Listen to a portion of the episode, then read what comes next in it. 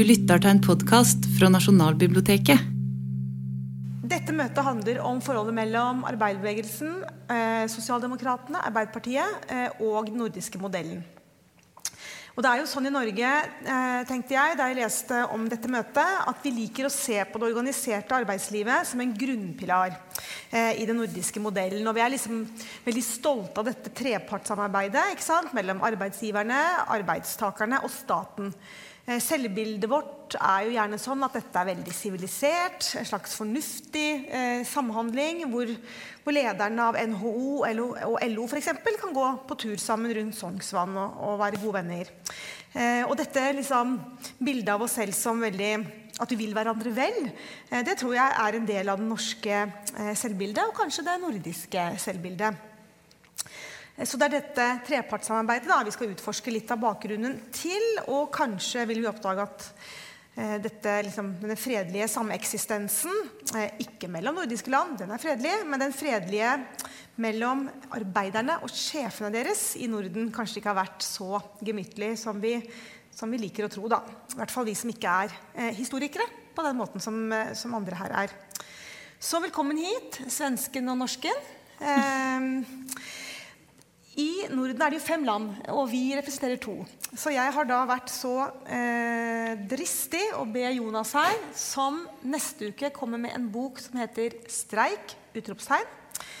Eh, om å tegne et overordna bilde for oss av arbeiderbevegelsen i Norden. Mm. Fem land, fem minutter, 500 år. eh, eller der omkring. Så, så vær, vær, så god, gi oss, gi oss rammeverket vårt. Ja. Eh, det er heldigvis ikke 500 år det er snakk om, men eh, det er krevende nok for det. Jeg har gjort et slags forsøk. Det kommer litt sånn i siste liten nå. Så det er liksom hva jeg kom på da, av liksom ting som er verdt å ha med seg hvis man skal prøve å sammenligne eh, disse eplene og pærene, eller kanskje eplene og eplene, som, som de nordiske landene er.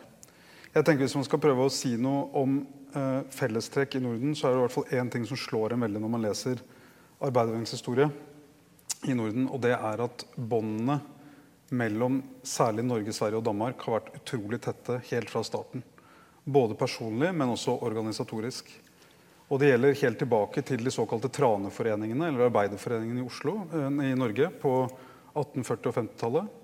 Da ble det ganske raskt oppretta forbindelser til eh, svensk arbeiderbevegelse. Blant annet. Annet fordi de frykta en svensk invasjon dersom arbeiderforeningene skulle på en måte lykkes i sitt program. Så norsk og svensk forbrødring sto veldig sterkt som idé eh, allerede den gangen. Så ble jo den bevegelsen knust, som noen av dere kanskje vet. Eh, og det tok jo en liten generasjon før folk prøvde igjen.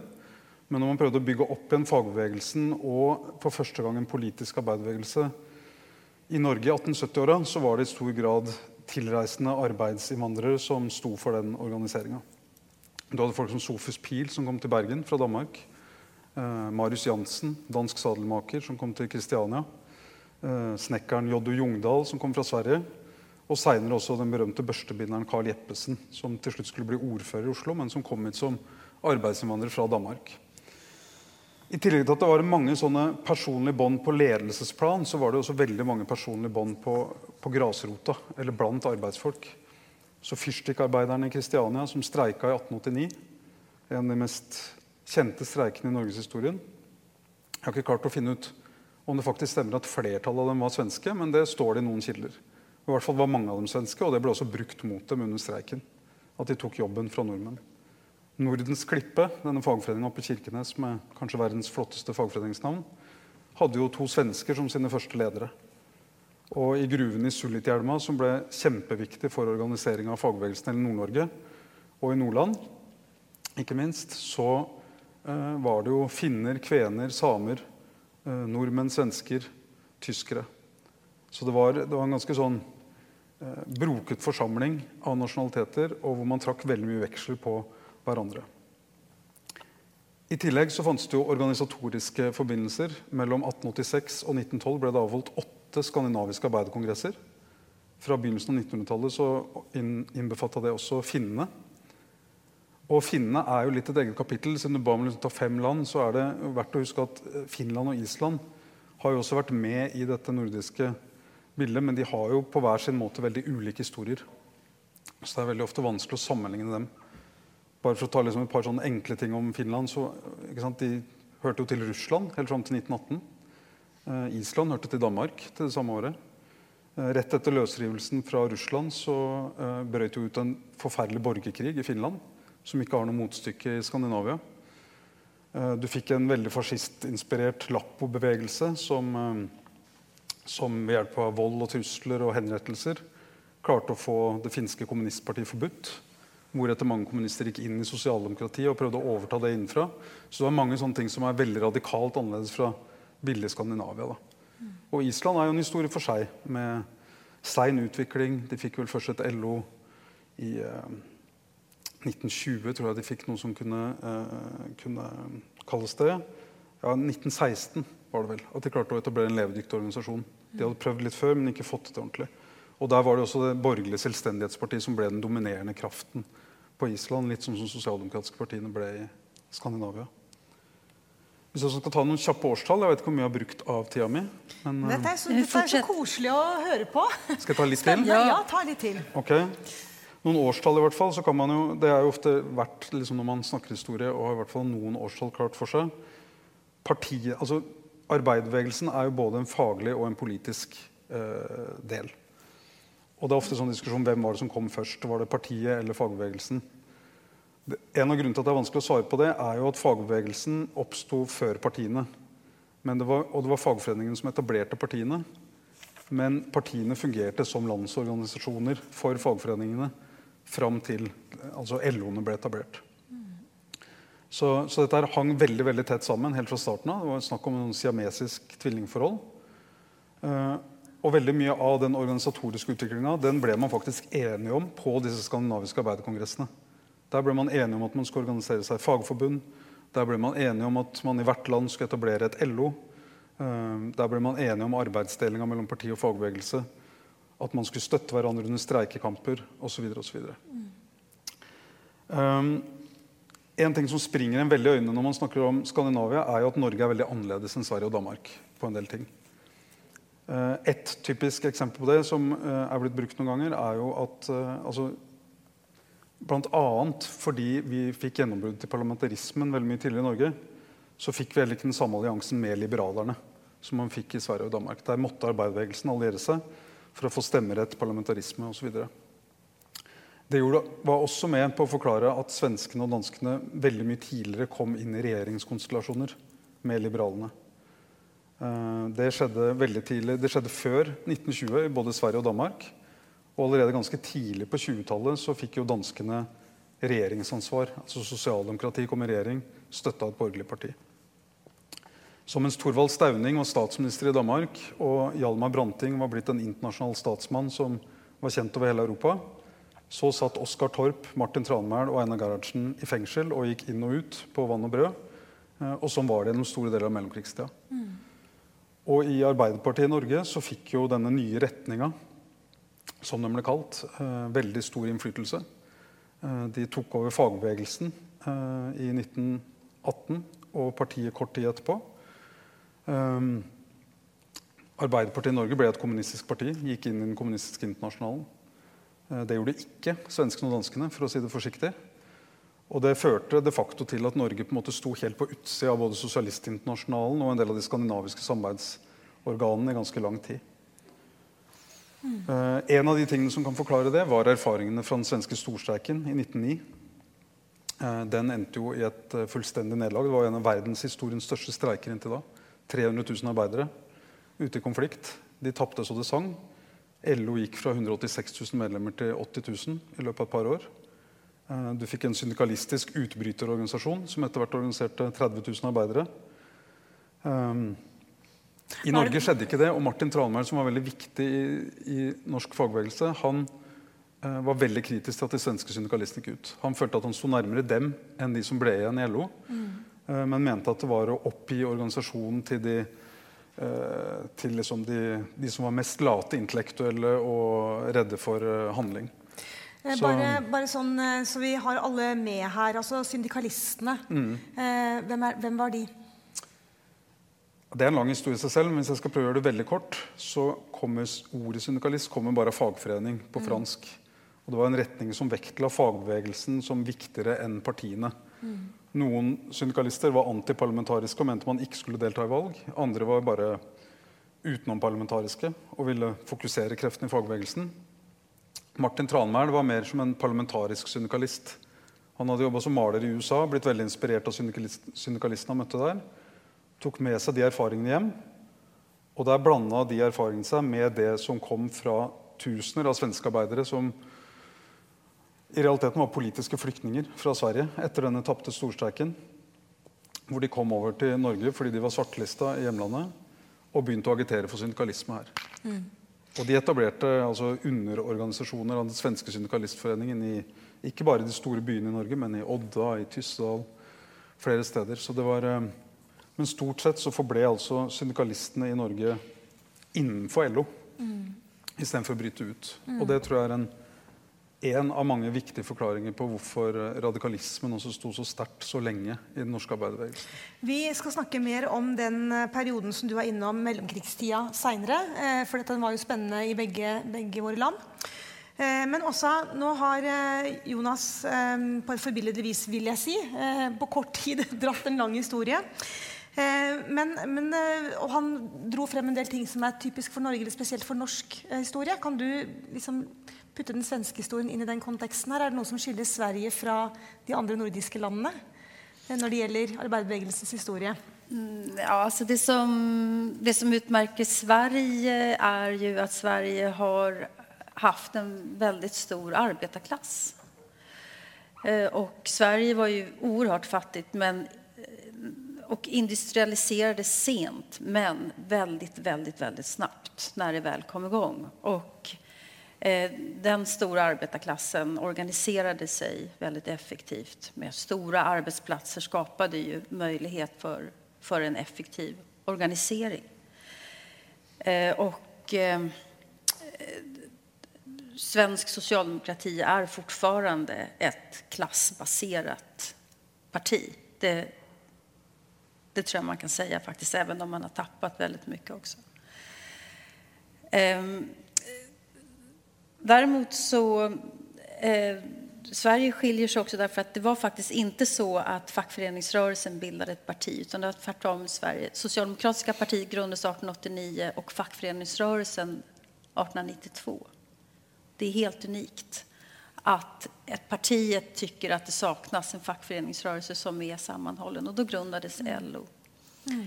Eh, men det har ju varit väldigt, väldigt starka band eh, mellan ja, precis som i Norge, mellan, mm. mellan det facklig-politiska samarbetet som, som verkar liksom nästan omöjligt att bryta upp på något sätt. Och det här har ju också gjort att fackföreningsrörelsen har varit väldigt lojal med partiet i Sverige. Det kan vi prata om sen, mm. alltså senare gäller viljan till konflikt. Alltså, eh, den, den stora politiska frustration som har funnits under många år hur ska den kanaliseras när fackföreningsrörelsen, i alla fall i Sverige, har ett sånt lojalt band till Socialdemokraterna, alltid har haft. Socialdemokraterna som har, har eh, då, i alla fall de senaste 30 åren då, varit medskyldiga till det som arbetarklassen menar att de har förlorat på. Mm. Eh, Sverige har ju, eller svensk socialdemokrati och Sverige har en idé om att Sverige alltid har varit i stort sett demokratiskt. Eh, alltid har vært alltså att vi bygger på samarbete ända sedan vikingatiden. Det er den svenske självbilden faktiskt. Och det er det här som jeg har skrivit min doktorsgrad om. Mm. Bland annat. Och eh, i själva verket så har svensk, eh, svensk historia varit oerhört konfliktfylld. Oerhört. Eh, och eh, det var en veldig, väldigt stark repression mot eh, arbetarrörelsen och fackföreningsrörelsen. Och, eh, alla försök att organisera sig från arbetarklassens sida slogs ner brutalt. Mm. Fullständigt brutalt. Och det som, som jag tycker är intressant det är att den unga socialdemokratin i sin... Alltså det, som jag, det som är min doktorsgrad är att jag har eh, forskat på Socialdemokraternas egen historieskrivning. Jag är alltså historiograf. Eh, och i den, den tidiga socialdemokrat, socialdemokratiska historieskrivningen så tar man fram konflikterna. Man, man verkligen visar att Sverige var ett ovanligt konfliktfyllt land och stark repression. Och sen från 40-talet och framåt så ändrar man tonen och säger att Sverige har i stort sett alltid varit demokratiskt och så vidare. Och jag tror att det har att göra med att Socialdemokraterna vill visa näringslivet att oss kan ni lita på. Vi är samarbetsvilliga, vi följer en svensk tradition, eh, vi är, vi är kontinuiteten, vi är inget brott mot det som har varit. Jag tror att det är en sån retorisk figur som man, som man gör. Och det där har ju näringslivet och borgerligheten tyckt är en bra retorisk figur för vi vill inte ha en idé i Sverige om att arbetarklassen är revolutionär eller, mm. eller bråkig. Mm. Eh, så jag tänkte det sista jag skulle säga, väldigt viktigt där som du tar upp Jonas, eh, att, att svensk eh, parlamentarism och liksom den danska gjorde att Socialdemokraterna samarbetade med Liberalerna väldigt tidigt. Och eh, där finns det, alltså på, i, i och med första världskriget så spricker borgerligheten upp i två olika strategier. Först har man varit oerhört repressiv och även Liberalerna har varit väldigt repressiva mot, svensk, mot, mot eh, socialdemokratin. Och sen bestämmer sig Liberalerna för nej, vi ska inte fortsätta med den här strategin utan vi ska göra tvärtom. Vi ska få arbetarrörelsen att ta ansvar. Vi ska inlämna dem i att bygga upp ett land där vi inte håller på med massa konflikter, vi inte ställer för stora krav och så vidare. Mm. Så det var alltså en, en, ett ideologiskt vägval som var strategiskt. Mm. Det høres jo gjenkjendig ut, ja. eh, tenker jeg, det du forteller, også fra norsk historie. Mm. Eh, at jeg f.eks. vokste opp med den sant, historien som du forteller om etterkrigstiden, eh, og at vi alle var venner, og kapitalen kunne stole på Arbeiderpartiet osv. Mm. Eh, men nå skal, vi, eh, nå skal vi inn i den perioden som dere begge har nevnt, mellomkrigstiden. Eh, du sa at det var brutale streiker, og du sa at det aldri har vært så mange osv. Og, så og i boka til Jonas så står det om denne perioden, 1920-1940, eh, at de sosiale spenningene var store, med en sterk revolusjonær entusiasme i arbeiderklassen og en kanskje enda sterkere revolusjonsfrykt i borgerskapet. Mm. Og dette duker jo for, for spenninger, kan man mildt sagt si. da. Eh, men kan dere fortelle oss nå da eh, kanskje hvert deres land, eller hvordan dere ville gjøre det. Hva var det striden sto om?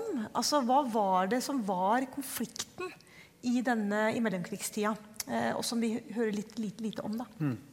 Skal jeg begynne? Gjerne. Gjerne. okay. Um, nei, du kan si at altså, I kjølvannet av den russiske revolusjon og første verdenskrig så var det jo på en måte uro og sosiale spenninger og revolusjonsforsøk over store deler av Europa. Uh, og i Norge var revolusjonsentusiasmen veldig stor. Veldig mye større enn den var i Sverige og Danmark. Mm. Um, revolusjonsfrykten var også veldig stor, som jeg skriver i denne boka.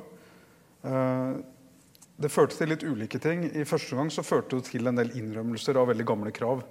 Så åttetimersdagen, som hadde blitt formulert som et krav av den første internasjonalen, nei, den andre internasjonalen i 1889, hvor man vedtok 1. mai som en internasjonal kampdag, det kravet ble endelig innfridd da, 30 år etterpå.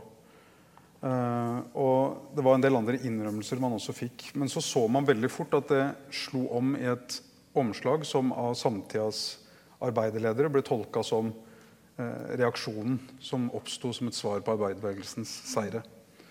Uh, I tillegg så inntraff det økonomiske nedgangstider mange steder, ikke minst her til lands.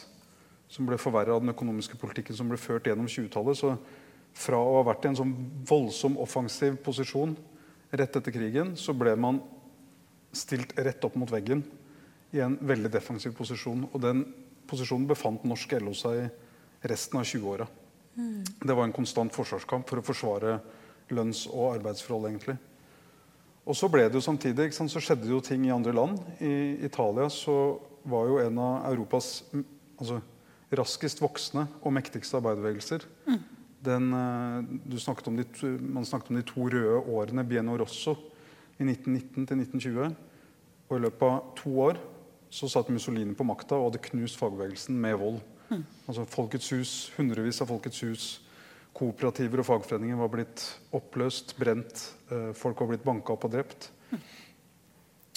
Og det ble innført lover som gjorde streiker ulovlig, og fagforeninger eh, sånn som vi tenker på, fagforeninger som frie sammenslutninger av arbeidere som skal organisere seg mot kapitalen, det ble det slutt på.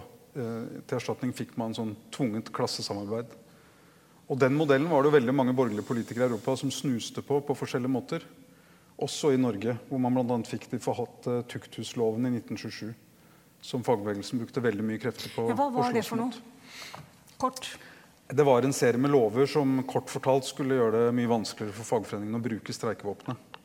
Uh, og som på mange måter var et forsøk på å snu fagforeningene til å bli et våpen mot arbeiderne selv. Ved å ansvarliggjøre dem på en helt urimelig måte. Uh, og den loven ble jo egentlig satt ut av kraft gjennom den ulovlige bygningsarbeiderstreiken i 1928. Som er en av de store heroiske øyeblikkene mener jeg, i norsk arbeiderbevegelsens historie. Men, altså, det, hvor, men altså, bare tenk på eksempelvis da, altså, hvor, hvor uh, brutalt kunne en streik bli? Altså, hvor, hvem ble satt inn? Ble det satt inn politi? Ble det satt inn militær? Ble det slåsskamper? Altså, hvor, uh, hvis man skal visualisere seg uh, tilbake da, til denne epoken, hvor, hvor, voldsomt kunne det bli? Eller var det altså, Martin Tranmæl skrev eller Den første biografien som ble utgitt om han, hvor han ble intervjua, så sa han jo det at altså, det var, han kalte det borgerkrigslignende tilstander. Arbeiderne her i byen de kunne ikke samle seg andre steder enn på pukksteinhauger. For der visste de at de fikk stå i fred fra politiet, og at møtene ikke ble oppløst med vold. Eh, de gikk som sagt ut og inn av fengsel. Det ble ofte brukt politi, det ble ofte brukt militære tropper. Politi var ofte man innkalte eh, sånne hjelpemannskaper som i løpet av et par timer ble utstyrt med politiskilt og fikk politimyndighet. Eh, det var mye streikebryteri. Noe jeg har blitt overraska når jeg har skrevet om boka, er hvor vanlig det var at man utstyrte streikebryterne med revolvere. Og det skjedde jo også et par ganger at det gikk liv tapt. Ikke så dramatisk som i Sverige, som Åsa kan sikkert fortelle om. Hvor det skjedde eh, veldig voldsomme ting i 1931. Men det samme året som da disse skuddene i Ådalen skjedde i Sverige, så hadde vi det berømte Menstadslaget.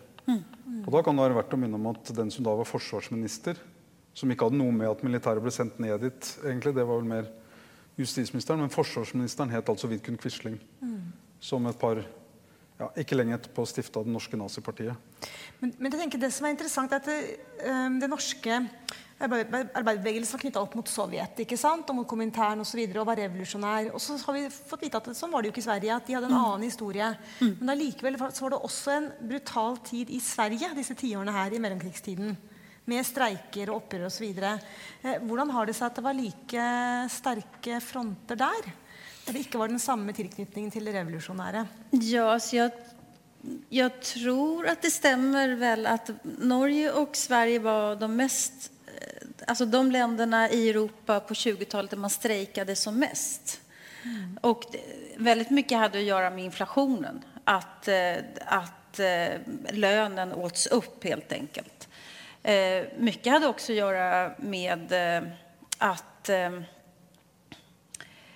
med eh, alltså när eh, alltså med teknikutvecklingen så, så fick arbetarna en mycket en starkare position helt enkelt. Att det var bara de som kunde behärska de här maskinerna.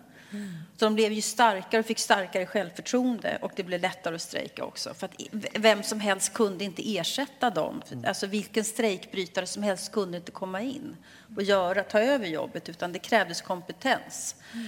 Eh, och det är en ganska viktig förklaring också till varför det var så många strejker på 20-talet när teknikutvecklingen var så stor.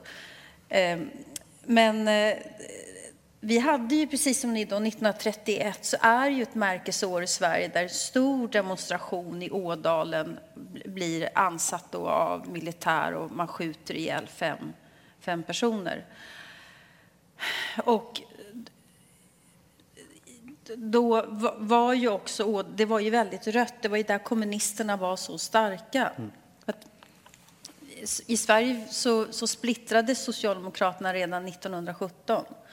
Så det som idag är Vänsterpartiet, eh, alltså embryot till kommunistiska partiet, grundades redan 1917. Så att de, de radikala krafterna som ni hade inom socialdemokratin, de var redan mm. avknoppade i en egen organisation. Mm. Men det var ju enorma motsättningar mellan socialdemokrater och kommunister och de sitter fortfarande kvar. Mm. Fortfarande så sitter de där kvar. Mm. En väldigt, väldigt stark antikommunism inom svensk socialdemokrati. Mm, det... Och hela Ådalen 1931 var en enorm uppgörelse mellan Socialdemokraterna och kommunisterna. Ja, riktigt. Var det noe, var det noe norsk eh, arbeiderstøtte i forhold til den i, i Ådalen f.eks.? Altså var det noe sånn, en bevissthet på tvers av landegrenser når det skjer sånne store streiker? Og så var vel en bølge av spontane streiker i Sverige eh, i kjølvannet av den massakren. Eh, det var også en masse protestmøter og demonstrasjoner i Norge. Um, så var veldig mange som, og Dette skjedde jo bare noen uker før dette store Menstadslaget. Som egentlig var en liten affære som var overstått på ganske kort tid, men som fikk voldsom oppmerksomhet i mediene. Mm. Uh, og som både av arbeiderpressa og borgerpressa ble tolket som liksom et sånn uh, et historisk oppgjør som det kanskje ikke helt var belegg for. Og man, med litt kjølig distanse så var det kanskje ikke så eh, dramatisk som det så ut som og ble opplevd av partene der og da. Mm. Men selvfølgelig for de som deltok og som var der, så var det eh, en veldig, veldig traumatisk strid. Og jeg tenker det kan være greit å minne om også at altså, en av grunnene til at konfliktnivået var så høyt i mellomkrigstida, var ikke bare at flere var villige til å streike, men veldig ofte så ble man kasta ut i lockouter. Mm. Mm. Og så brukte man, altså Noen ganger var lockoutene svar på streik, og andre ganger så svarte arbeiderne med streik på en lockout.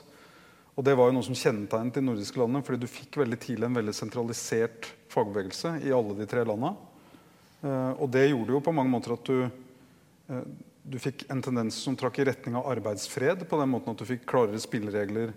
Fagforeningene sentralt skulle godkjenne før en konflikt brøt ut. og sånn. Men når det først ble konflikt, mm. så var det sånne flertrekkstrategier på begge sider av bordet som gjorde at titusener av arbeidere kunne bli utestengt fra arbeidsplassene mm. eller gå ut i streik. Og det ble jo noen ganger veldig dramatisk, i hvert fall når arbeidsgiverne da i tillegg slang på med streikebrytere, mm. og man ble beskytta av ordensmakta. Og hvor arbeiderne også så til utviklinga i Først kom jo Italia, men etter hvert så falt jo det ene demokratiet etter det andre rundt om i Europa. Og veldig mange så jo arbeiderbevegelsen og streikevåpenet som kanskje det sterkeste forsvarsvåpenet man hadde mot eh, en fascistisk utvikling. Men, men, hvordan har det seg at man i denne konfliktfylte tiden, og, og, mens Mussolini herjer i Italia, så klarer man i Norge og det kjenner jeg ikke svensk historie, å lande denne såkalte liksom, hovedavtalen i 1935? ikke mm. sant?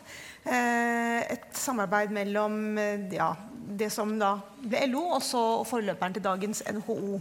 Eh, det kan man kanskje kalle en sånn type klassekompromiss. da. Mm.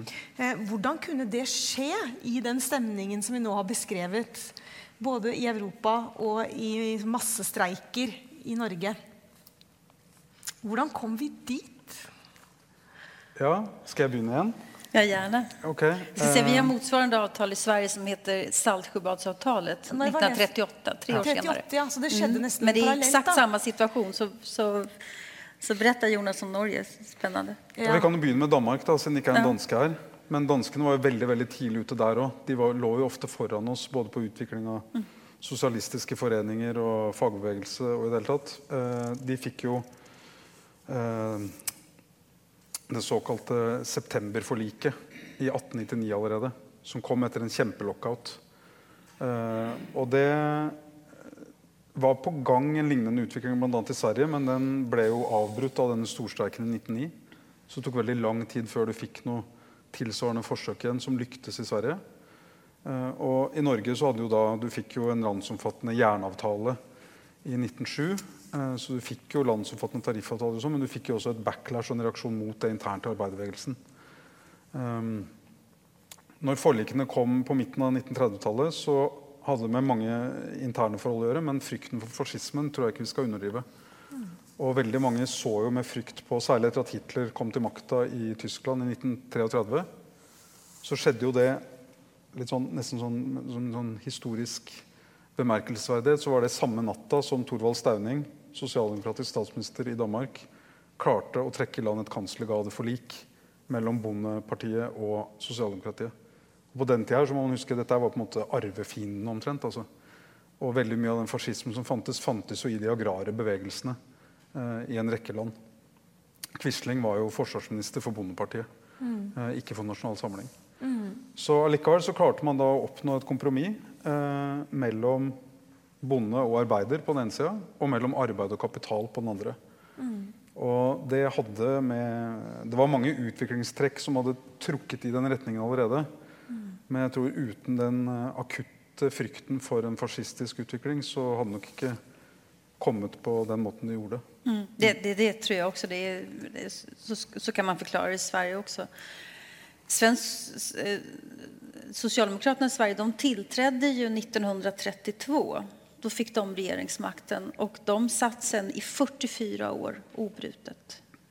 Fram till 1976. Och eh, därför kom ju det här Saltsjöbadsavtalet, alltså samarbetet med näringslivet. Det kom ju några år efter att de hade fått regeringsmakt. Så det är ganska självklart också att de skulle få ett sånt sam mm. eh, samarbete mm. egentligen. Så det, men eh, det är ju en av de här stora... Alltså, den kommunistiska rörelsen i Sverige har ju en berättelse om Saltsjöbadsavtalet att det är ett stort förräderi och så vidare. Som, mm. Men har ändå haft svårt att för, liksom, säga vad man skulle haft istället. Det, mm. Ja. Men tenker du, altså, det er historien om det svenske folkhemmet. ikke sant? Den kjenner jo vi også. Mm. Eh, og det høres jo så trivelig ut i det svenske folkhemmet. Er det, og da tenker jeg tenker sånn overfladisk på etterkrigstiden. ikke sant? Fra og frem til 80-tallet, kanskje. Tenker du at det, Er det en sånn eh, seier for arbeiderbevegelsen eller for sosialdemokratene? Altså Er det partiet eller bevegelsen som, som bygget folkhemmet? Oi. Det går inte att skilja det ena från det andra tror jag. Eh, det som lite intressant tycker jag är att Socialdemokraterna i Sverige har nästan aldrig använt ordet folkhem överhuvudtaget. Per Albin Hansson använde det i ett tal en gång, men sen har Socialdemokraterna själva pratat om eh, det starka samhället som Tage Erlander helst pratade om och så vidare. Men folkhemmet det var, det var som borgerligheten när man ville, vad ska jag säga, vi ska använda för ord så att ni förstår. Eh, på, på, på, på 80 och 90-talet så hade den svenska borgerligheten en idé om att de skulle säga att svensk socialdemokrati är detsamma som fascism ungefär. Det är, samma, det är lite brunt, mm. det är lite sådär. Och då börjar man säga, men ni har ju använt ordet folkhem och det är egentligen ett konservativt begrepp som har rötter i, i det som är fascismen och sådär. Mm. Mm. Så, men som svar på din fråga då så, så, så skulle jag ju säga att det, här, det starka samhället, starka välfärdsstaten, den har ju alla vunnit på. Mm. Den har partiet vunnit på, den har arbetarklassen vunnit på, den har tjänstemannaklassen vunnit på, medelklassen. Alla har vunnit på på jämlikhet och jäm, eh, jämställdhet. Att vi har byggt ett samhälle där vi har litat på varandra och där vi har haft en solidarisk tanke. Mm. Eh, där vi har försökt jämna ut eh, så att man inte bara föds med en livschans utan att livschansen till att ha ett gott liv ska löpa hela livet. Det har alle tjent på. Ja, Det er liksom nordisk eh, modell, nordisk tankegang, ja. Eh, det du sier der. Eh, jeg tenkte vi skulle komme inn på det helt på slutten av samtalen. Det med liksom status for i dag, da, om den tilliten fremdeles er der osv. Men i mellomtida så kommer jo eh, 70-tallet. Med alle mulige radikale bevegelser, og hvor arbeiderbevegelsen også blir en del selvfølgelig av det. Og det er radikalisering osv. I hvert fall i Norge, for det er det jeg kjenner best til. da. Så da kan vi snu om det. Så kan du få lov å, å si noe først om, om, hvordan var det i Sverige? Hvordan var det radikale Sverige? Altså Hvilken plass hadde sosialdemokratene i det? Var de, hvilken, eh, hvilken periode er vi nå? Nå er vi på 1970-tallet. ja. eh, for jeg tenker, er det sånn at eh, for en del av de sosiale bevegelsene på 1970-tallet var jo kritiske til eh, sosialdemokratene. Mm. Byråkratiet, statsmakten. ikke sant? Så hvilken, hvilken plass fikk sosialdemokratene og arbeiderbevegelsen i det tiåret? Når det kom så mange andre inn med sin mm. samfunnskritikk? Mm. Ja, det er jo da som eh, svensk sosialdemokrati forlorer regjeringsmakten. Det er jo under det røde 70-tallet. Mm. Så forlorer man, for første gangen på 44 år så forlorer man makten. Man är helt ur takt med tiden. Eh, och eh, man var, dels var man pressad av att näringslivet började organisera sig. Eh, och eh, hela den här nyliberalismen började ju rulla igång där faktiskt på 70-talet. Det är det man lätt glömmer bort, men det är ju så det är. Mm. Och så var man också pressad av den här ung, ungdomsrörelsen, all, allt från Vietnamrörelsen som, som går över sen till eh, punkrörelsen som är väldigt stark i Sverige som också har sin udd mot eh, socialdemokratin. Det är liksom väldigt starka individualistiska rörelser från både eh, det konservativa hållet och, eller högerhållet och mm. den nya vänstern. Mm. Eh, har, har väldigt starka individuella krav egentligen. Mm. Och, det, och det rammar Socialdemokraterna ganska starkt. 70-talet är också speciellt i Sverige för att då blir Sverige återigen Europas mest strejkdrabbade land. Det är strejker överallt och det som är speciellt är att det är tjänstemännen som strejkar. Mm. Men er det, tenker du at det er arbeiderbevegelsen som streiker da også? Eller er det, det masse massa som... olagliga strejker. Är det. Strejker ja. som, som, ikke som inte tillåtna enligt Saltsjöbadsavtalet. Så är det, väl, det, det, är, det börjar med gruvarbetarstrejken uppe i Malmfälten 1969. Mm. Och sen så fortsätter det så att även tjänstemän börjar strejka, vilda strejker och det är jättespeciellt. Är det. Mm. Men förklar folk eh, Och det här... tycker Socialdemokraterna inte är särskilt bra, men, men det är ändå men någonting som sker. Vad är en olovlig strejk? Vad är skillnaden på en olovlig och en lovlig strejk? Den... Vad gjorde att dessa strejkerna var olovliga? Ja, de, de ligger utanför avtals, eh, det, det, det som man har avtalat fram. Mm när ett avtal löper ut så har du ju rätt att strejka om du inte kommer överens med. Mm. Men det här, de strejkade under, under själva det avtalet som var överenskommet. Mm. Och det är ganska speciellt att medelklassen börjar strejka. Men det gör man alltså på, på 70-talet. Väldigt, väldigt många vilda strejker. Vant de frem?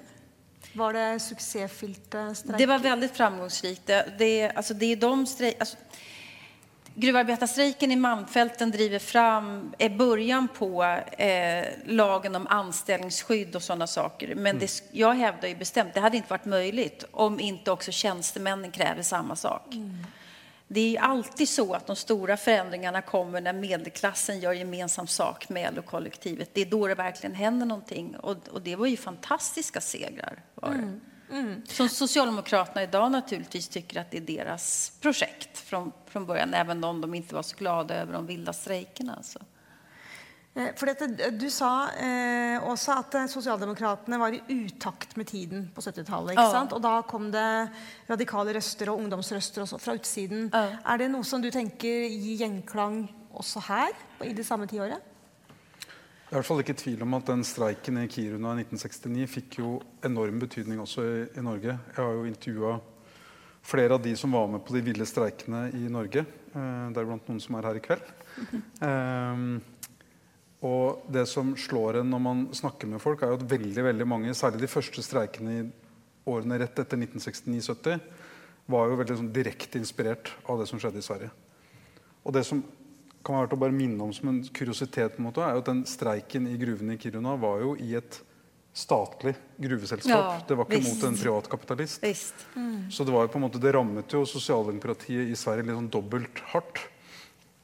Och også si at det var jo framfor alt statligt anställda tjenestemenn som streiket olagligt også. Ja, ja. ikke sant? Mm. Men så det, så det var en sånn Skal du si det som skjedde i kjølvannet av Kiruna-streiken, var jo at veldig mange sånne frustrasjoner som hadde bygd seg opp gjennom etterkrigstida, fikk utløp.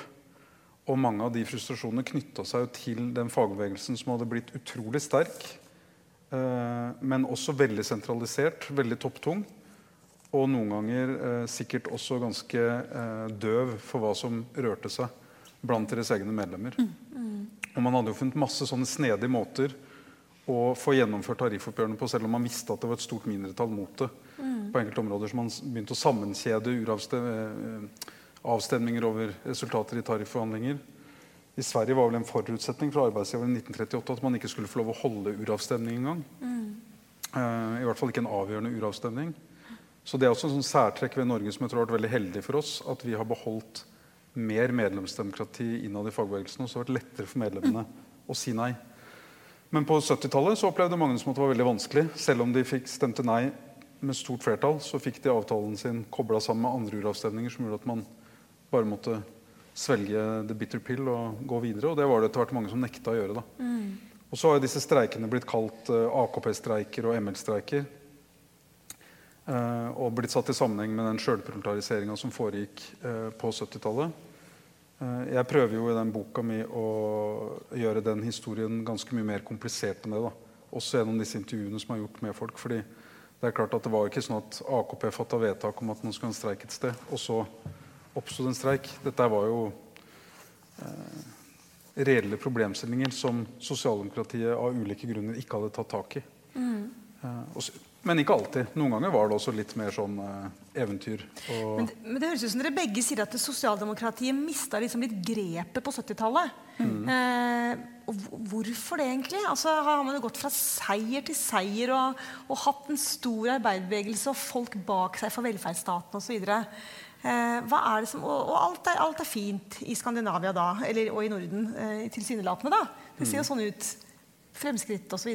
Hva er det som skjer i sosialdemokratiet som gjør at det likevel får så mye motstand da? Men det är ju, alltså, de, Socialdemokraterna, i alla fall i Sverige, pressade från tre håll. Dels, dels från näringslivet som börjar organisera sig.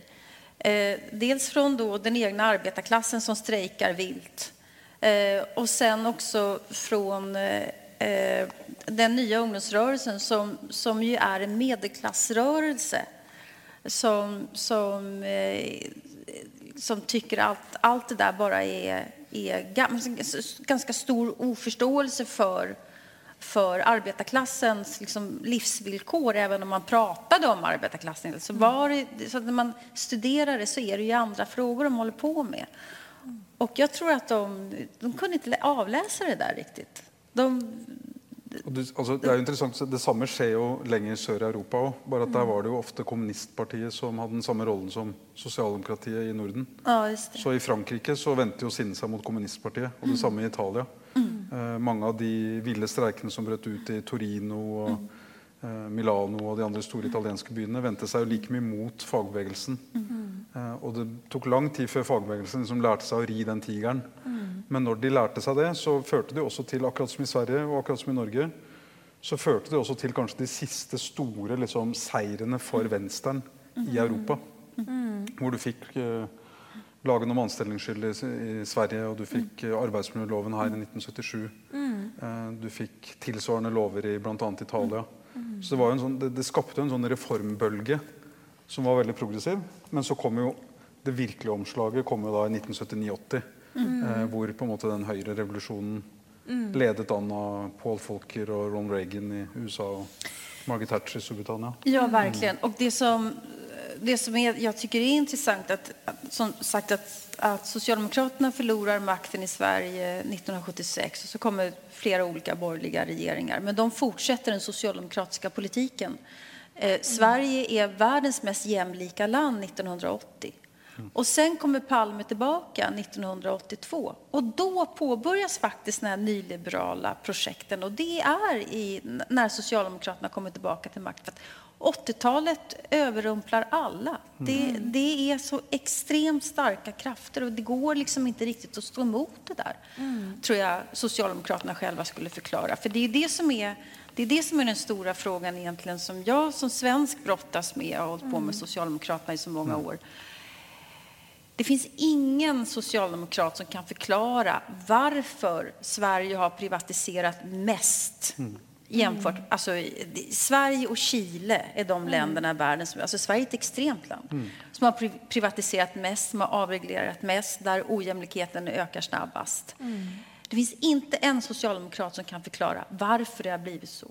Och Ingvar Carlsson som efterträdde Olof Palme, han säger vi förstod inte vad det betydde att, eh, att Riksbanken inte längre ska ligga under riksdagens kontroll och så vidare. Vi förstod inte vad det betydde. Och det, det tror jeg ingen av oss går med på. Eh, om, man, om man styr et land så måste man nog faktiskt förstå vad sådana beslut betyder. Eh, Ja. Men denna totala oförmåga och ovilja att faktiskt prata om de senaste 30 årens utveckling, den, den, eh, den kan man ju bli lite irriterad på, eh, milt uttryckt. Ja, jeg tenker at Den uviljen har vi her òg, tenker jeg. At det, altså det som du sier, er jo, er jo at da sosialdemokratene fikk makt igjen etter mm. mange år med konservativt styre i store deler av verden på 80-tallet, så, så tok de ikke da grep og tenkte nå skal vi reversere eller, eller gjøre noe nytt. Nå fort, så fortsatte man i stor grad Ja. eh, der de konservative slapp. Eh, for nå har vi da kommet til 90-tallet, og, og liksom, mange her husker jo sånn Tony Blairs Den tredje vei, og det var. Bill Clinton med Workfare, og det var liksom det nye New Labour osv. Eh, det nye Arbeiderpartiet. Og jeg tenker det samme som Åsa, Jonas, at eh, vi snakker ikke om det altfor mye i Norge heller. Hva som skjedde med Arbeiderpartiet på 90-tallet, og hvilke grep som kanskje mindre hell, da, i hvert fall i noen ting, ble tatt da. Altså jeg begynte å fly på sånne fagforeningsmøter og konferanser og sånn på 90-tallet. Og husker jeg krangla så bustene føyk med sosialdemokratiske fagforeningskamerater om en del av disse tinga her. Jeg vil nok si at altså, det, det er ting man kan øh,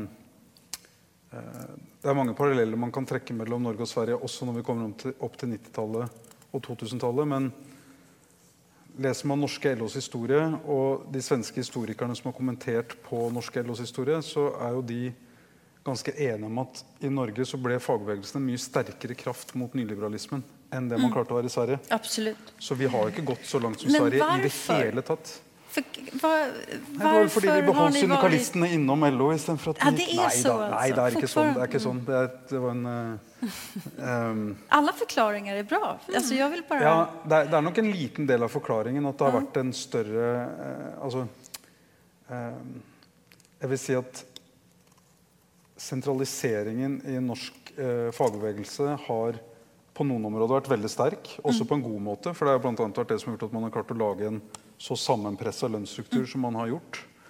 Eh, det hadde man ikke fått til hvis det var hvert forbund for seg, sånn som det er i Storbritannia eller USA. Eh, men samtidig har man hatt en veldig Og det er en sånn kombinasjon som i litt ulike måter finnes i alle de nordiske landene, hvis vi sammenligner med andre land igjen. da. Eh, Men som kanskje er sterkest i Norge, nemlig en kombinasjon av sterk sentralisering og sterk desentralisering. Veldig sterke klubber, mange opposisjonelle fagforeningsmiljøer som på en måte er lojale, og som fins innenfor den etablerte fagbevegelsen. Den står ikke utenfor i en egen kommunistisk fagbevegelse eller syndikalistisk fagbevegelse. Mm. det har vi ikke i. Sverige heller. Vi har ingen... Nei da, det kan du si. Men jeg tror nok at eh, sentraliseringen av den altså, Noe av det Kiruna viste veldig tydelig, var jo hvor utrolig lite lokalmedlemmer hadde hos den svenske Ja. fagbevegelsen. Just. Og i boka mi så intervjuer jeg han som er klubbleder i Foodora, altså dette matleveringsselskapet, som var med å vinne den streiken de gjennomførte der. Og de, de fikk jo på plass en tariffavtale som de selv hadde veldig stor påvirkning på. Og etter at den streiken ble gjennomført Han har jo kontakt med sånne food deliveristas over hele Europa. Og bl.a. disse i Sverige. Og der har de også fått en kollektivavtale nå etter at vi fikk det i Norge. Men der ble den jo forhandlet fram langt over hodet på medlemmene på sentralt hold, uten at medlemmene hadde noe særlig de skulle si. Og de, de streiket heller ikke for den kollektivavtalen. Og da tenker Jeg sånn, jeg er ikke noen sånn tilhenger av streik for streiks skyld i det hele tatt. Men jeg tenker at kanskje noen ganger i Sverige så hadde man hatt godt av litt erfarenheter med strid. Mm. litt flere enn de man har hatt. Og at man hadde mer rom for en intern opposisjon.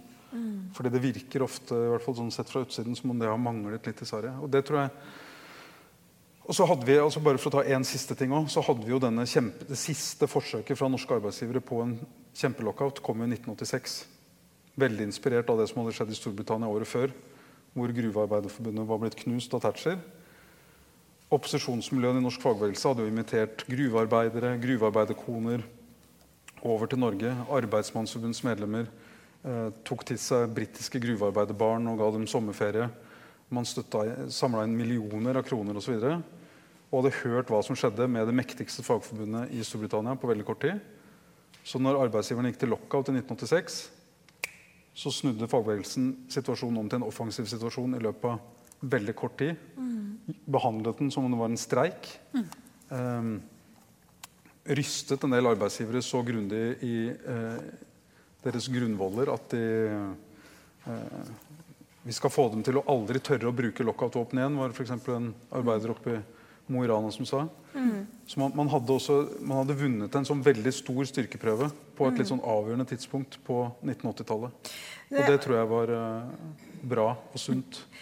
Men hva, holder det vann enda? Nå er det fem minutter igjen, ser jeg til min store skrekk på klokka. For her kunne man jo sittet Det er, sånne, det er som sånn rabbit holes, liksom. Altså For hvert tema vi nærmer oss, så kan vi bare hoppe inn i nye temaer. Men vi må, vi må komme frem til i dag, da. Ja. Eh, prøve å avrunde litt i dag. fordi den diskusjonen dere har begynt nå, på det med liksom, liksom hvordan ja, hva, ulikhetene i forhold til møtet med nyliberalismen osv., det er jo fremdeles en levende debatt. Den er jo ikke død.